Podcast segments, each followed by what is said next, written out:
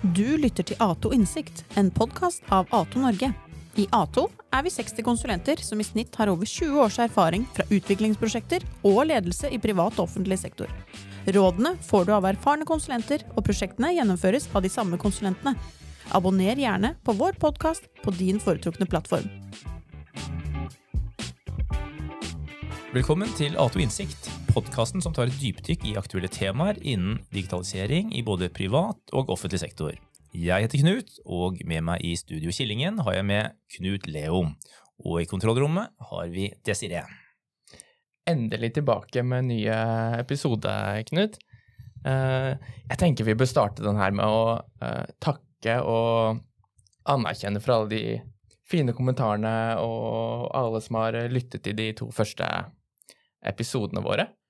Jeg og du også har jo fått flere meldinger fra, fra folk som uh, er positive og også ønsker å være gjester, så det er veldig gøy. Ja, absolutt. Uh, vi har fått veldig god uh, feedback på det vi tidligere har laget, og vi ser veldig frem til både denne podkasten her og de andre vi skal lage. Mm. Så hva, hva skal vi snakke om i dag? Ja, i denne episoden skal vi snakke om digital transformasjon i offentlig sektor ved å se nærmere på hvordan en utfordring i en kompleks organisasjon ble løst gjennom en smidig arbeidsform. Organisasjonen eller virksomheten det er Oslo kommune. Og i Oslo kommune så bor det 700 000 innbyggere, så det er stort, eh, en stor virksomhet. Og innenfor Oslo kommune så er det da byrådsområdet for helse, eldre og innbyggertjenester som skal være fokus. Og eh, innenfor eh, dette byrådsområdet så har vi da helseetaten, sykehjemsetaten og 15 bydeler. Ja, vi skal jo snakke om hvordan kommunen har arbeidet med å forbedre den digitale støtten i pasientovergangene mellom de ulike kommunale tjenestene, som leveres av eh, da hjemmetjenesten, kommunal akutt døgnenhet Aker, helsehus, forsterket rehabiliteringsavdeling Aker, og på sikt også fastlege og sykehus. Stemmer. Og ved å høre på denne listen over aktører som skal samhandle, skjønner man jo fort at man opererer i et komplekst landskap. Utfordringene kan belyses langs flere akser eller fagområder, men vi i denne podkasten ønsker å dykke ned i den smidige arbeidsmåten og hvordan man styrte de involverte partene i prosjektet. Med oss i dag har vi vår kollega i A2, Ingrid Anette Wolff. Hun har lang erfaring fra både linje og prosjektledelse. Velkommen til studio, Ingrid Anette. Takk. Veldig hyggelig å ha deg som gjest. Eh, kan du si noen få ord om eh, hvem du er, og hvorfor du er så opptatt av smidig utvikling i komplekse organisasjoner? Ja. Eh, ja. Jeg er opprinnelig sivilingeniør innenfor data. Og så tok jeg en doktorgrad i skjæringspunktet mellom eh, menneske og organisasjon og teknologi. Og siden har jeg jobbet i det skjæringspunktet. Eh, så det jeg er opptatt av, er jo endring og hvordan teknologi påvirker både samfunnet og arbeidsprosessene og ja, oss selv i dagliglivet. Så stikkordet for meg er kanskje endring, da. Uh, mm. Hvor lenge har du jobbet uh, hos oss uh, sammen med Osiato? Her har jeg jobbet i syv år, vel. Så ja. Ja, det, det blir jo en stund, det. Mm. Men jeg tenker dere, før vi, før vi, går videre, så er det kanskje nyttig å gi enda litt mer, mer kontekst rundt temaet. Som tidligere nevnt, så bor det jo 700 000 mennesker i Oslo. Og kommunen hadde i 2022 et driftsbudsjett på 66 milliarder kroner. Og 10% av dette går til byrådsområdet helse, eldre og innbyggertjenester, som dette prosjektet da faller innunder. under. så det er ikke noen liten virksomhet. Eh, for referanse så er det omtrent det samme som, som NRK har i eh, årlig tilskudd. Så vi har vel ikke nevnt hva prosjektet heter ennå heller. Så Eh, kan du si noe kort om uh, først hva prosjektet heter, og, og, om etatene som eier prosjektet, og overordnet litt om utfordringene som skulle løses? Ja, prosjektet het ELISE, eh, og det står for elektronisk informasjonsdeling mellom samhandlende enheter i helse. Eh, så strengt tatt burde det hett ELISE, men det hadde blitt veldig tungt å si. Og sånn som det er nå, så er det mange som snakker om ELISE, som egentlig ikke vet hva den forkortelsen står for. Så, så nå lever ELISE på en måte sitt eget liv. Mm. Ja, det er forståelig at du bruker, eh, bruker Elise, da, og ikke hele, hele regla. Mm. Ja, så det er eh, de etatene som er sentrale, er jo de dere allerede har nevnt. Det er helseetaten eh, og sykehjemsetaten, som begge leverer institusjonsbaserte tjenester til innbyggerne i Oslo. Og så er det de enkelte bydelene som leverer de hjemmebaserte tjenestene, og på en måte er de som hva skal vi si, eier brukeren. Eh, også for så vidt overfor de andre etatene. Mm. Mm. Så um, utfordringen i dag er jo at vi, uh, vi kan jo forestille oss en, en, en, um, litt sånn skrøpelig eldre, la oss kalle ham Kåre, som bor hjemme og får, uh, får tjenester, og det er hjemmesykepleie som kan være innom daglig, også flere ganger om dagen så skjer det noe. Eh, han kan falle, det er veldig typisk. Eh, falle og skade seg. Da kommer han kanskje på eh, legevakten. Så kan han bli sendt videre til kommunal akutt døgnenhet, enda videre til sykehus, tilbake til forsterket rehabiliteringsavdeling for opptrening, og enda videre til helsehus for ytterligere opptrening før han kommer hjem igjen. Og, og, og, reisen er jo i seg selv en, en, en, belastning, kan man si. Men i alle disse overgangene mellom de forskjellige aktørene, eh, så er det veldig mye informasjon som ikke følger med. Og det gjør jo både at Kåre må svare på de samme tingene mange ganger, som kan bli, han kan bli litt forvirret av etter hvert, og også at han får spørsmål på ting han ikke kan svare på. Og mm, så kan det også oppstå feil eh, på grunn av denne manglende informasjonsdelingen. Hvordan er det den informasjonsdelingen som er, faktisk foregår, eh, foregår i dag? Ja, det er jo, eh, det er jo veldig mye Altså, en del er basert på at man sender hverandre en slags elektronisk e-post. Og det er, det er, da på en måte mye tekstbaserte meldinger. Mm. Og en del av disse meldingene man sender, de, de, kommer ikke frem før kanskje etter at pasienten har kommet frem. For det er liksom noe mm. administrativt arbeid som skal gjøres, og man er kanskje mest opptatt av å liksom få pasienten videre. Så, så, det hender jo at man sender med en del papir i taxi når, når pasienten drar videre til neste instans. Eh, noen ganger så ringer man hverandre på telefon for å koordinere. Eh, og det har jo også vært brukt eh, faks. Eh, det er mulig det har vært blitt borte de par siste årene, men, men, det var i hvert fall fortsatt i bruk eh, da vi startet opp eh, arbeidet vårt. Mm. Faks, såpass? Det jeg holdt på å si eh, før jeg nesten er så ung at jeg knapt har vært borti, borti faks. Ja. Så, men da er det jo en fare for at noe informasjon kan bli borte på veien, da. Ja, og ja. Sånn som legemiddelliste og mm. sånne ting er jo sentralt at, at mm. uh, kommer med, og at alle, alle, de forskjellige stedene hvor pasienten er innom, har en riktig oversikt over det. Mm. Ja, og, og, legemidler er jo en, en, veldig, på en måte, dessverre en veldig viktig kilde til pasientskader gjennom et år. Og der er vi jo egentlig så heldige at det er et nasjonalt initiativ på gang som heter Pasientens legemiddelliste. Så da vi gikk i gang med vår utprøving for lenge siden, så sa vi at nei, det trenger vi ikke gjøre noe på, for der kommer det snart en nasjonal løsning.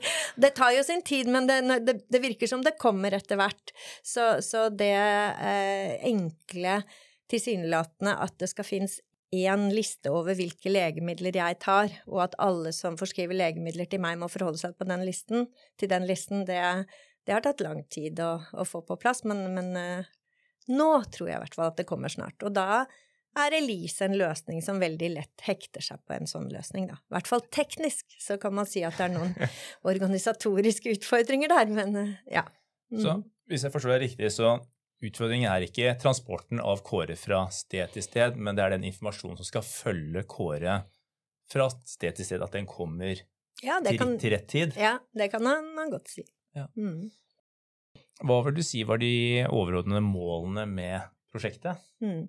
Det, det, overordnede målet som gjelder for på en måte tjenestene til, til la oss kalle det skrøpelige eldre, da det er et eget sånt uttrykk innenfor helse, skrøpelige eldre, det er jo at de skal kunne bo hjemme lengst mulig med minst mulig hjelp. Og det er sånn vinn-vinn-situasjon.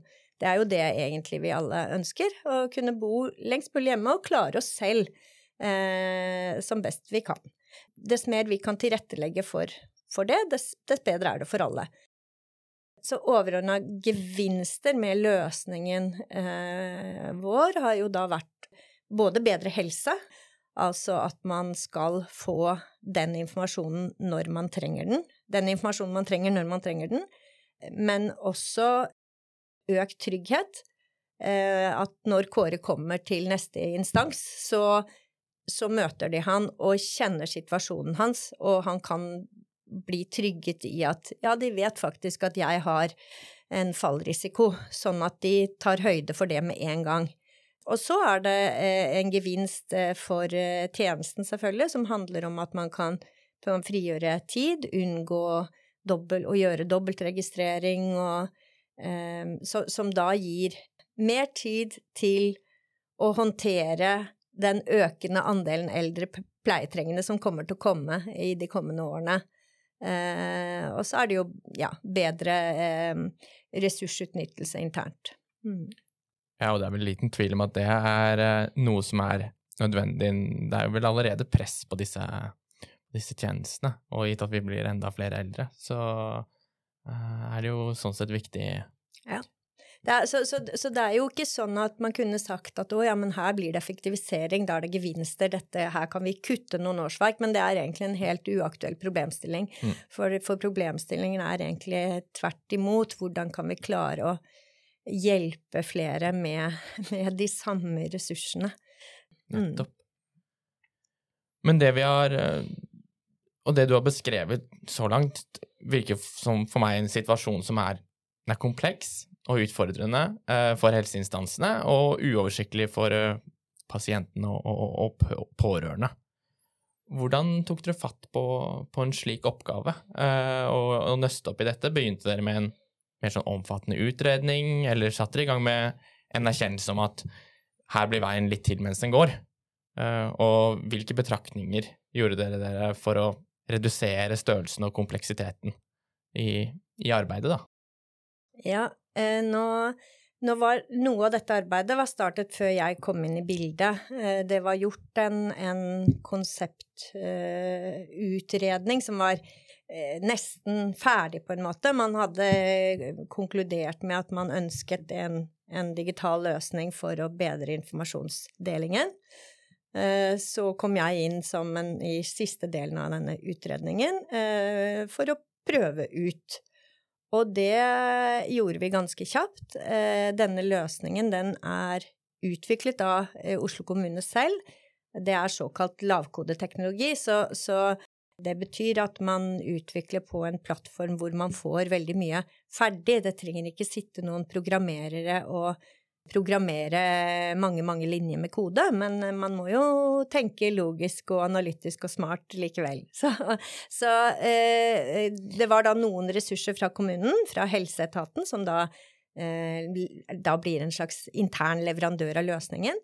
Eh, som eh, kunne utvikle løsningen. Og så hadde vi en eh, prosjektgruppe med helsepersonell fra de ulike tjenestestedene noen fra hjemmetjenesten, noen fra korttid, noen fra, fra kommunal akutt døgnenhet, forsterket rehabilitering, som og så satte vi oss rundt et bord, og så fulgte vi pasientforløpet til noen fiktive pasienter, da. Eh, det kunne være eksempel Kåre, som jeg snakket om i sted, eller det kunne være demente Gunnar som kom sammen med kona si som, som, eh, trengte en innleggelse, og så ble man bevisst på at oi, her har vi visst en potensiell ny bruker som ikke kan dra hjem alene, og da kartla vi på en måte hva, hva slags informasjon trenger de i de typiske pasientforløpene som de går gjennom. Og da utviklet uh, dette teamet fra helseetaten, basert på de innspillene fra denne arbeidsgruppen, de utviklet ganske raskt en løsning som vi En slags prototyp, da, som vi faktisk prøvde ut i seks uker, eh, på eh, Hvor det var 160 pasienter som var gjennom et pasientforløp som involverte minst to av de instansene som var med. og så evaluerte vi det og, og konkluderte på at dette vil vi gå videre, så var det en planfase. Og da brukte vi lang tid fordi, eh, for å prøve å få en finansiering sentralt. Um, eh, og så var det vanskelig. Det er noen, noen, elementer her som handler om eh, kommunale finansierings- og styringsmodeller som er litt krevende. Mm. Eh, så de som var med, de etatene og bydelene som var med, de bestemte seg til slutt for å gå videre på på egen kappe. Og da startet, så startet vi med gjennomføring. Mm. Men det var vel også kanskje litt på bakgrunn av den eh, prøvekjøringen holdt på å si, som dere hadde kjørt relativt eh, raskt, da, så de, de, fikk sett litt av verdien av, mm. av dette? Ja, og det, og det, eh, Jeg har jo vært heldig i den forstand at eh, den vi har hatt en styringsgruppe da, eller, mm, eh, som, som, har bestått av etats- og bydelsdirektører, og de har hele tiden hatt veldig tro på at dette er veien å gå. Og som du uh, sier, de fikk jo også veldig tidlig demonstrert og vist eh, hvordan ting kunne bli mye enklere eh, med en sånn løsning. Jeg forstår at det var stort behov for samspill og datadeling her. og kan du kort si litt om hva som ble laget, mm. og eh, hvordan dere organiserte prosjektet? Mm. Ja, du kan si vi, Det ble jo laget på denne lavkodeplattformen som kommer fra Microsoft. Da. Og, og da eh, etablerte man da et slags informasjonsnav som eh, ble døpt, som vi døpte for PASinfo. Det var informasjonsnavet eh, i Oslo kommune. Eh, og der knyttet eh, vi opp en del sånne sentrale datakilder, altså eh, alt fra eh, de forskjellige journalsystemene i kommunen til fastlegeregisteret, folkeregister, kontakt- og reservasjonsregister, eh, og andre eh, nasjonale eller lokale datakilder som, som inneholdt strukturert informasjon som man trenger i pasientovergangene. Og blant annet fant vi jo ut gjennom den utprøvingen at eh, en tredjedel av eh, de som er brukere av tjeneste eh, i Oslo kommune, de, de, har feil fastlege registrert i kommunens systemer. Og det er jo fordi at Det høres jo mye ut, men det er jo ikke alle som, som har på en måte et veldig stort omfang av samhandling med fastlegen. Eh, så, så, de brukerne hvor man har mye samhandling med fastlegen, der er det nok eh, mer oppdatert. Men det var, enda, det var enda godt. Jeg syns det hørtes litt skremmende ut. Ja, men, men, det illustrerer jo bare det problemet man veldig fort får hvis man ikke integrerer datakilder. Mm. Fordi det er jo håpløst for, for da hjemmetjenesten i en bydel, og eh, skal de hele tiden slå opp i fastlegeregisteret for å se om det fortsatt er den samme fastlegen, og så skrive inn en ny. Eh, ja. det, det, er jo bare tull, ikke sant. Mm. Så, så det vi gjorde, var jo nettopp det å si at vi bare vise fastlegen, vi, og så tar vi inn også informasjon om fastlegekontoret, sånn at de med en gang får kan ringe til dette fastlegekontoret da, hvis de trenger det, for eksempel. Ja, ja for det, det illustrerer jo mm. det, det, poenget du, du sier med, med, informasjonsdeling, for, mm. uh, for hvordan en kan holde denne informasjonen oppdatert uten å dele mm. den mellom uh, forskjellige aktørene. Det mm. sier seg jo selv at det går jo ikke. Ja, og der helsetjenesten henger nok litt etter, for altså, det er jo klare føringer i det offentlige på deling og gjenbruk. Men så har man selvfølgelig minst like klare føringer på eh, personvern. Eh, og så er det nok sånn noen ganger at man blir så redd for å gjøre noe galt at man lar være å gjøre noe. Kanskje tenker man ikke da på at pasientsikkerheten kan være like utfordret av at man ikke at man ikke deler. Så, mm. Og det er det, jeg, jeg, tror man er litt reddere enn det er grunn til, fordi det er mulig å dele på en sikker måte. Og jeg tror det begynner å løsne mer og mer nå, men det er fortsatt en del en del litt sånn risikoaversjon, da, i, i, innen helse. På grunn av hensynet til personvern? Ja, og man er Og bør, man bør jo være redd for at det skal komme personopplysninger på avveie, for det er et veldig viktig ansvar. Mm. Men man bør også være bekymret for pasientsikkerheten når informasjonen ikke deles, for det kan faktisk skade pasienten helt direkte. Mm. Mm. Kunne du si litt om uh, hvordan prosjektet var organisert, uh, og de rollene, eller noen roller som var spesielt viktig i denne sammenhengen her? Ja, eh, det er kanskje en del av lytterne våre som har hørt om eh, eh, produktorientert utvikling, om at man har tverrfaglige utviklingsteam med produkteier, og at det skal være autonome utviklingsteam. Og det er mulig noen hører at jeg er litt ironisk her, men, men, men ja, det, det er, vi arbeidet jo smidig etter en smidig tilnærming, eh, og for så vidt med forskjellige eh, eh, fagdisipliner involvert. Innenfor helse er det jo forskjellige fagprofesjoner eh, som har ulike behov. Mm. Altså i en pasientovergang trenger man jo både en lege, eh, fysioterapeut, eh, sykepleier, det kan være behov for ernæringsfysiolog, det er farmasøyter som er eksperter på legemidler, og alle disse gruppene har noe å bidra med når det gjelder hvordan noe skal utvikles. På samme måte som på utviklingssiden trenger man jo kanskje en arkitekt, en som er god på integrasjoner, en som tenker brukergrensesnitt osv. Så, videre. så Så det er forskjellige profesjoner både teknisk og, og innenfor det kjernevirksomheten man holder på med. Eh, og så eh, har man sagt at jo, hvis vi bare organiserer disse i et autonomt produktteam, så med en produkteier, så er det bare å, å gå i gang. Men hvis det produktet man skal bruke, skal brukes i ulike tjenester, mm. så må alle de tjenestene sine behov balanseres. Og da de tjenestene jeg da snakker om, er hjemmebaserte tjenester opp mot forskjellige typer institusjonsbaserte tjenester.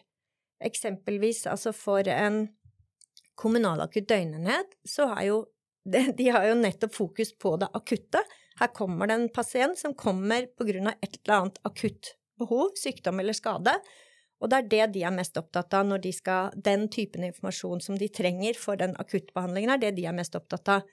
Mens hjemmetjenesten er på en måte i andre enden. De skal ha liksom et totalblikk på hvordan er funksjonsnivået til denne brukeren, er det noen forverring å se, betyr det at vi må øke eh, nivå av tjenester? Kan vi prøve å motvirke et funksjonsfall å, eh, på, på noen måte?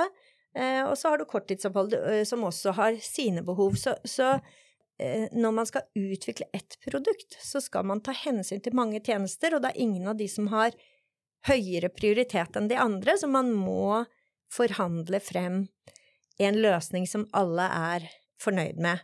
Eh, og det, det krever jo en tett samhandling, og egentlig eh, en god forståelse mellom partene, fordi hvis helsehusene da skjønner hvorfor kommunalakutt døgnenhet ber om noe, eller liksom Ja, så, så, det, så kan de si ja, men da, da, gjør vi det på den måten. Det går greit for oss også, selv om vi på en måte normalt ville gjort det sånn og sånn, eller ville eh, strukturert informasjon sånn og sånn, så kan vi være med på det, fordi det er viktigere for dere enn for oss. Så, så ja. Og disse lå, lå, på en måte som et, et lag over det autonome utviklingsteamet på, sammen med produkt, produkteier, er det, er det, sånn å forstå? Nei, det var Du kan mer si at det var en, en, en eh, vi hadde ukentlige møter hvor vi gjorde mye, mange av disse funksjonelle avklaringene, hvor alle var med. Og så eh, utviklet utviklerne, eller tilpasset eh, løsningen videre.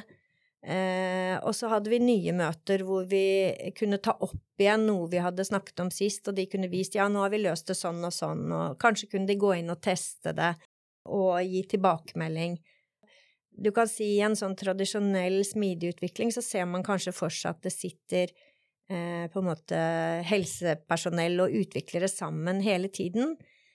Men her var det jo eh, sånn at helsepersonellet, de hadde sine operative oppgaver.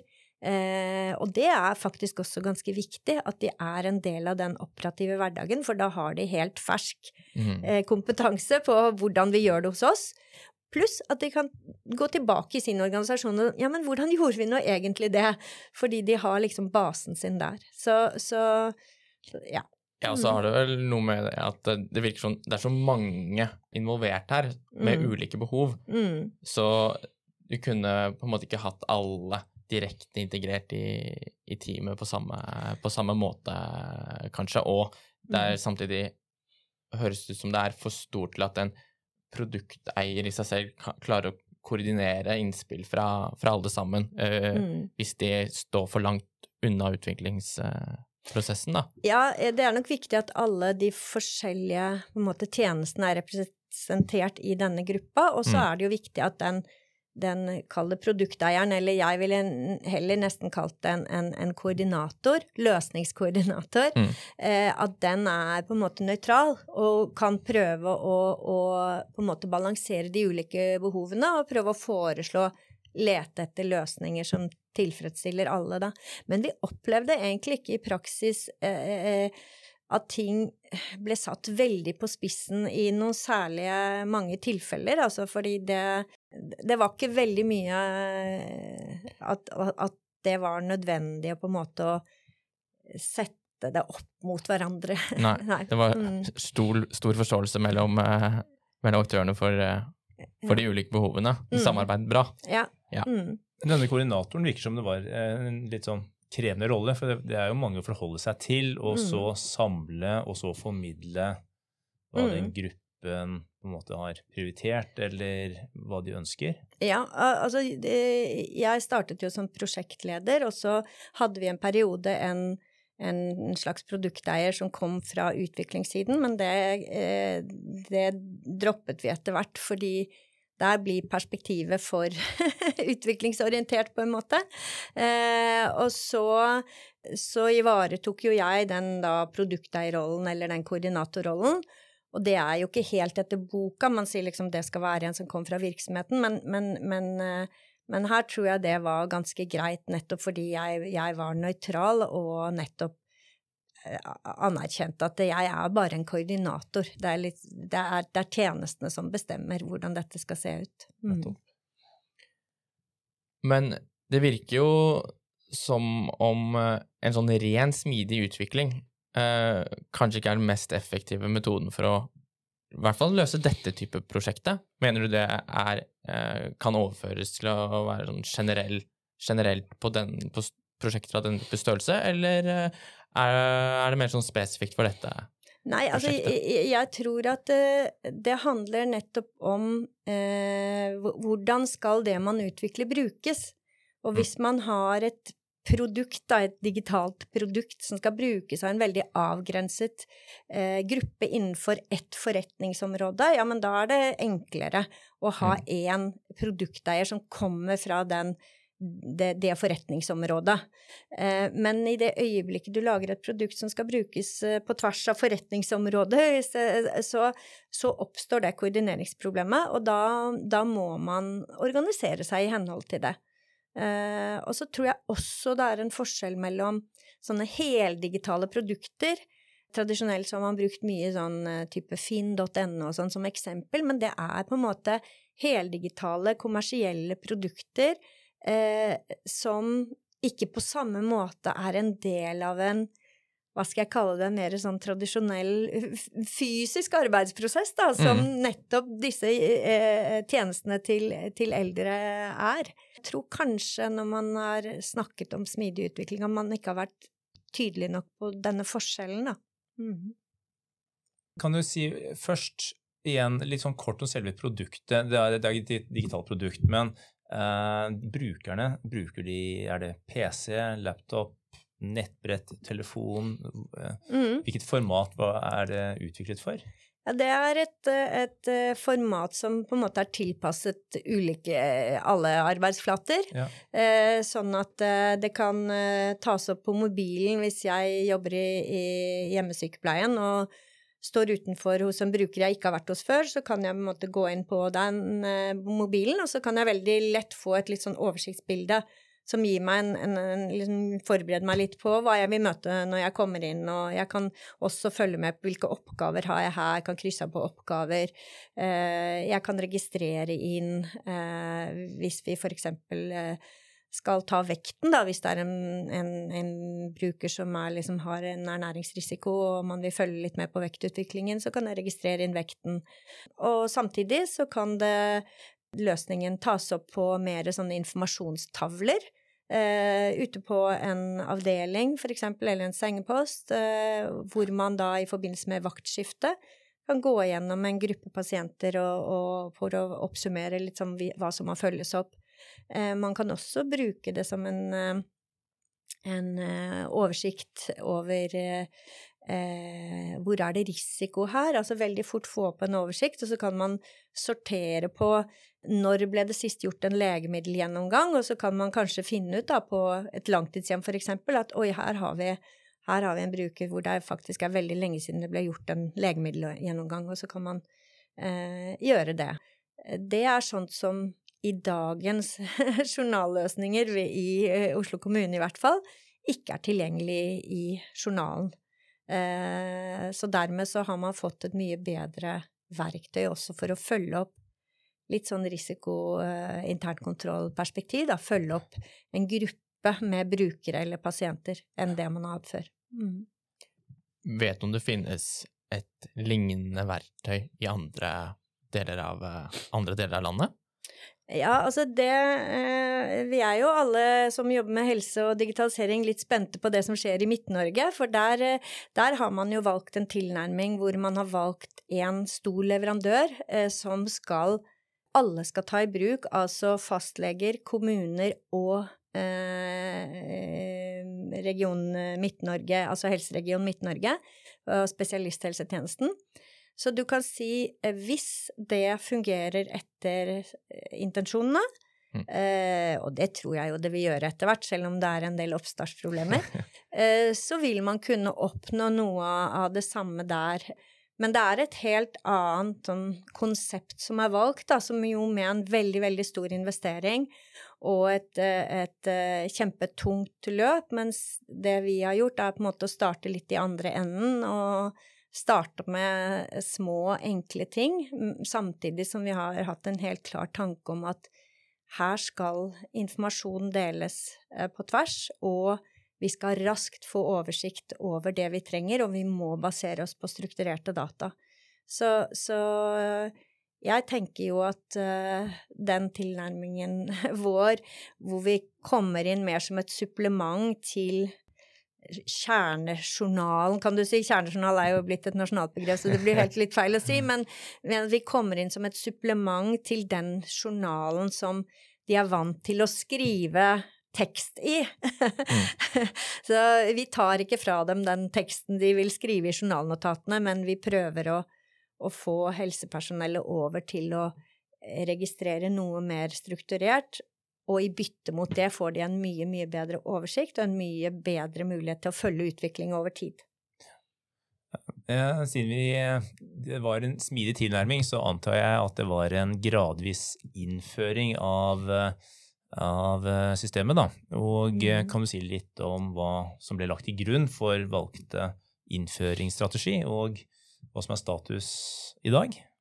Ja. Eh, eh, nå er det jo sånn at eh, vi kunne jeg har he hele tiden i dette løpet har jeg sagt at det, det er ikke teknologien som er vanskelig her. Eh, altså all ære til de som har utviklet løsningen. De har gjort mye, mye bra eh, på Ikke minst på integrasjoner og sånn. Men det er, ikke, det er, ikke, den tekniske utviklingen som er utfordringen, men det er det å eh, samordne, som vi har snakket en del om, men også det å ta i bruk eh, løsningen, fordi det å ta løsningen i bruk betyr at man begynner å jobbe på en annen måte.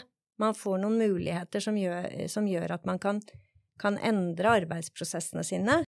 Og, og helsetjenesten har på en måte veldig respekt for prosedyrer og er veldig opptatt av kvalitet og, og, at man skal unngå avvik.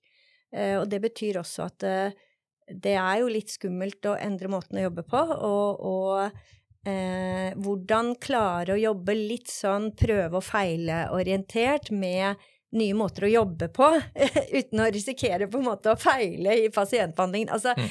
jeg tror ikke det er så noe høy risiko, men det er nok en litt sånn frykt der, da.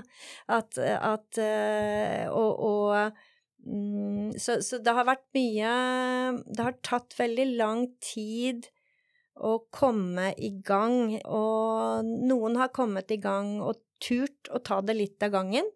Uh, mens andre er litt sånn mer avventende. Men, men i prinsippet, så, så, sånn som noen har klart å gjøre, eh, så, så, hadde vi jo en del eh, funksjonalitet som var utviklet. Det var sånn passe bra. Ikke, ikke eh, Rolls-Royce, liksom, men det var en del ting som det gikk an å bruke. Og da Tilnærmingen er egentlig at man tar i bruk én og én bit av funksjonaliteten på et avgrenset område. Så starter man på en måte med én personellgruppe, et område, eh, bit med funksjonalitet. Eh, eksempelvis så begynte et langtidshjem med disse pasientoversiktene som da leder kunne bruke til internkontroll og kvalitetssikring, mens en hjemmetjeneste, en bydel, begynte med det å fordele oppgaver eh, og følge opp oppgaver knyttet til pasientene, og det å gjøre en del målinger ute hos pasientene, en del sånne vitale målinger og sånn. Det høres ut som det er det endringsarbeidet eh, som eh, kanskje har vært eh, ekstra krevende her, til å få de som skal ta i bruk løsninger, til å faktisk endre litt måten de jobber på, slik at dette her blir, mm. blir effektivt, eh, mm. effektivt, brukt. Ble det satt inn noen ekstra ressurser på, på dette med ja, endringsledelse mm. eller den type arbeid? Ja, det skulle vi jo gjerne sett, men det skjer, ser endelig ut til å skje nå, da. For i budsjettet for neste år så er det eh, Altså budsjettet for 2023 så blir det tildelt noe midler til alle bydelene for at de skal kunne ta i bruk mer av Elise. Det vi eh, alle, by, alle, bydelene? Ja, eh, til neste år, ja. Mm. Mm, så det er bra. Så det er jo eh, flere bydeler som er godt i gang, og, og noen som er fullt har fullt innført dette, men de har gjort det på egen kappe. Så de har på en måte omprioritert ressurser eh, innenfor et eh, ganske stramt eh, budsjett, og ikke minst midt under korona jo, holdt jo vi på. Så det er all ære til de etatslederne og bydelsdirektørene som fortsatt eh, lot dette arbeidet gå midt i alt andre. det, det er veldig bra. Ja, for hvordan er det egentlig å liksom, forholde seg til disse budsjetter og, og, tildelingsbrev og sånne ting man må, må forholde seg til da, i, i, det offentlige? Og hvordan påvirker det gjennomføringen av et sånn her mm. type smidig prosjekt da, som går over, går over, flere år? Ja, nå, nå, kan du si at det, det er nok flere utfordringer i det kommunale der, fordi altså, kommunene har, det, har jo generelt uh, ja, det er krevende å, å, å finansiere digitalisering. Eh, kommunene har stramme budsjetter og har på en måte høye forventninger til tjenester på veldig mange områder. Så, så, jeg må si jeg er jo egentlig generelt imponert over norske kommuner og de som klarer å få til digitalisering. Men du kan si også innenfor stat så er det jo en del utfordringer nå knyttet til at vi har vært vant til å finansiere ting ved at vi eh, detaljplanlegger og spesifiserer og, og, og gjør eh, kompliserte estimater over hva vi tror vi, noe kommer til å koste. Eh, og så blir det veldig høye summer, og så, og så er det veldig høye krav til å følge opp på det man har sagt man skal levere. Og, og nå ser jo eh, Vi ser jo innenfor statlig sektor nå mer og mer at man dreier bort fra dette og over til å tenke smidig utvikling og eh, mer åpning for å prioritere underveis, basert på de gevinstene man ser som man kanskje ikke så når man startet opp. Så det, det tror jeg er en, en positiv utvikling, da. Mm. Ja, så budsjettene i større grad muliggjør å kunne prioritere annerledes underveis, eller? Ja, ja, at man Du kan si man, man har noen effekter man ønsker å oppnå, men, men de konkrete leveransene kan endre seg ettersom at det åpner seg Man ser nye muligheter, da. Mm. Men når det gjelder bevilgninger, så er det kanskje ikke så stor forskjell eh, mellom et smidig prosjekt og et tradisjonelt prosjekt. Man ber om penger. Hvert, man, man får penger en gang i året. Ja, du, du kan si det, det, er jo en generell utfordring i det offentlige at du har disse ettårige budsjettene, men, men, men, du har jo muligheten også for ja, å finansiere programmer over flere år, da. Så ja. Mm. Sånn avslutningsvis, nå har vi jo eh, vært gjennom eh, litt av reisen til dette prosjektet. Uh, har du noen uh, refleksjoner, noen key takeaways på, på, hva dere har lært, og hva du kanskje ville gjort annerledes? Ja, jeg, jeg, tenker jo at, uh, at det, som jeg har snakket om, da, det er at man må faktisk frigjøre kapasitet lokalt til til eh, både egentlig litt sånn å, å, å, å, kunne kjøre Det er jo tross alt et prosjekt. Altså, vi skal ikke være så redd for å bruke det ordet. Det er en del liksom veldig moderne innenfor digitalisering som sier nei, vi driver ikke med prosjekter lenger. Men et prosjekt er jo bare noe du ikke har gjort før, som du på en måte skal eh, gjennomføre innenfor et visst tidsrom. Og så kan man godt si at uh, at uh, man slutter aldri på en måte med uh, en, en uh, innføring av et, et, et nytt verktøy. Det skal, det skal, på en måte videreutvikles, men man har allikevel en periode hvor den endringen er stor. Mm. Og da må man styre det på en eller annen måte. Vi kommer egentlig ikke unna at de lokalt må på et eller annet vis få kapasitet, og for så vidt også kompetanse til å drive endring, da. Både litt sånn styring, prosjektledelsesbiten av det, og endringsledelse. Så hvis man får frigjort lokal kapasitet, så må, også, må, man også sørge for at de har god nok på en måte faglig støtte da, av noen som, som er mer type eksperter på, på prosjektledelse og endringsledelse. Eh, ja. For endringsledelse høres eh, kanskje, kanskje, enkelt ut med en gang uh, man hører det, men det er, det er jo det er jo ikke det. Eh, det krever, eh, krever, en del. For de lytterne som har kommet såpass eh, langt, så kan jeg jo avsløre at vi skal snakke om endringsledelse i neste episode. Veldig bra. da får vi enda mer klarhet i hvor, hvor viktig det er. Men det er jo Så det, så det burde Det har vært satt inn litt mer ressurser på nettopp det, da. Kunne det mm. akselerert på en måte innføringen, eller i hvert fall gjort det enklere for, ja, altså, for dem å ta det i bruk? Noe eksperthjelp, men også at man da frigjør og, og velger ut lokale eh, ressurser. Og da må man jo se på litt eh, hvem har vi her på vårt eh, langtidshjem som, som, er en god på en måte kan drive endring. Kanskje noen er gode på mer den administrative styringsbiten. Kanskje noen andre er bedre på å, å se nye muligheter. Så, så, man må på en måte utnytte de ressursene man har, og så kan man heller benytte sånn som ekstra eh, midler da, til å Sett inn vikarer til å gjøre de vanlige linjeoppgavene.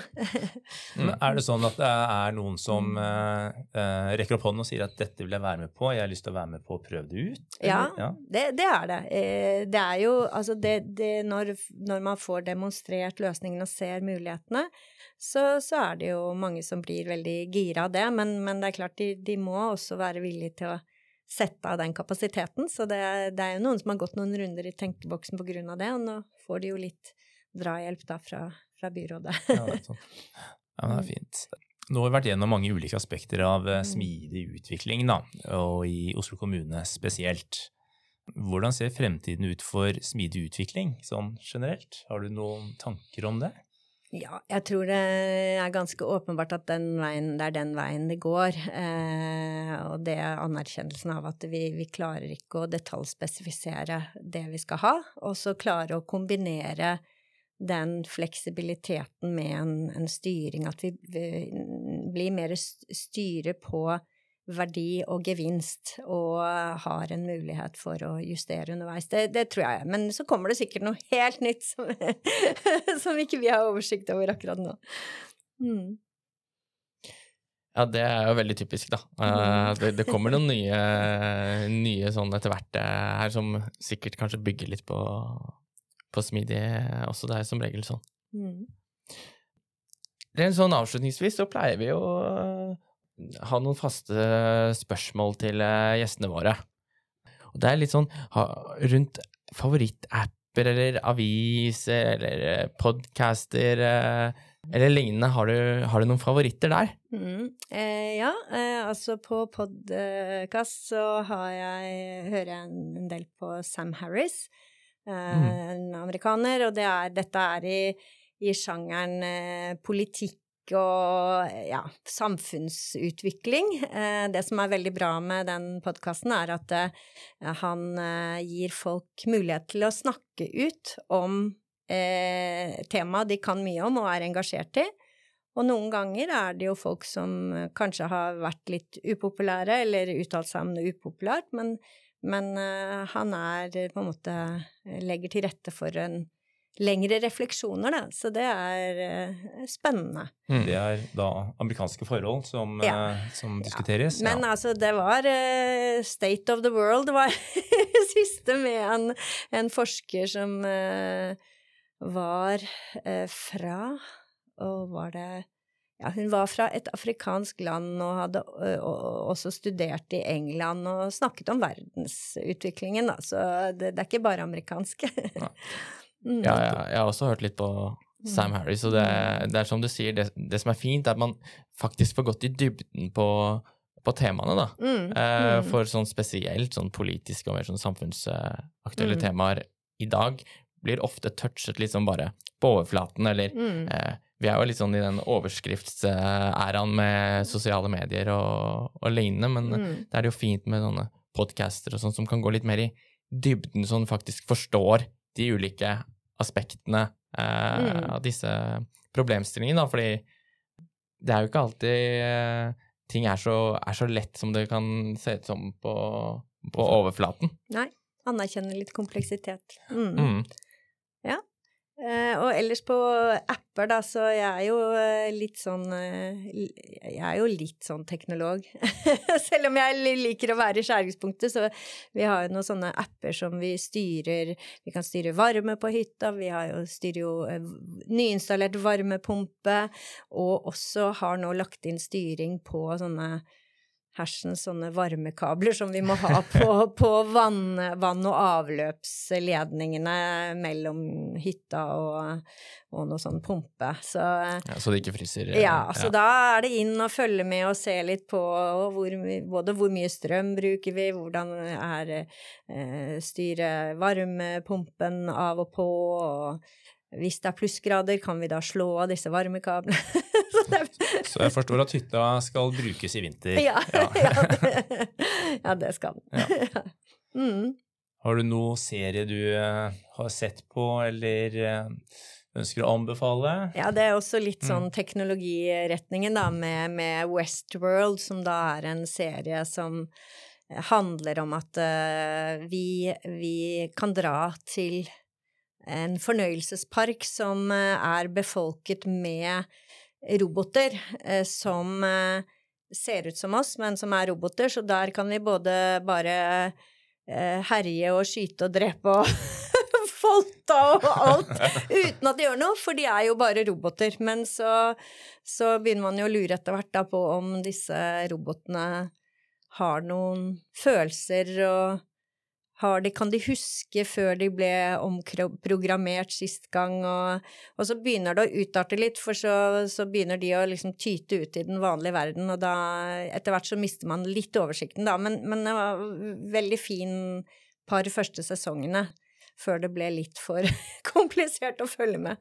Jeg er enig med deg. Jeg har uh, fulgt med på alle sesongene og uh, klart å henge med de første. Og så da det begynte å ta litt av, da eh, syns jeg det ble vanskelig å følge med. Men som mm. sagt, det er jo det er en dyr og godt, vel, godt produsert serie, mm. så den var fin å se på. Og så mm. har jeg fulgt litt med på det er, det er no, mange blogger som skriver om serien, så da klarte jeg å følge med på handlingen. Og sånn metahandlingen. ja. eh, sånn underveis, da. Så mm. anbefales Ja. den. Er du liksom teknologi- eller sånn science Mm. fiction-orientert? Mm. Mm. Det høres ut som noe jeg bør eh, ta en titt på. Ja, Mm. du finner den på HBO, tror jeg. Ja. Mm. Så det er bare å abonnere. Mm. Men eh, da er det kanskje på tide å runde av dagens episode, da? Jeg tror det. Mm. Tusen takk til deg, Inger Ingrid Anette, for at du gjestet podkasten. Det var veldig hyggelig, og ikke minst eh, lærerikt. Det var veldig fint å få litt innsikt i, i Elise-prosjektet. Og takk til alle som har hørt på dagens episode. Det setter vi veldig stor pris på. Og igjen så setter vi pris på alle tilbakemeldingene som vi har fått, eh, fått så langt. Ja, takk for meg. Og så høres vi. Ha det bra.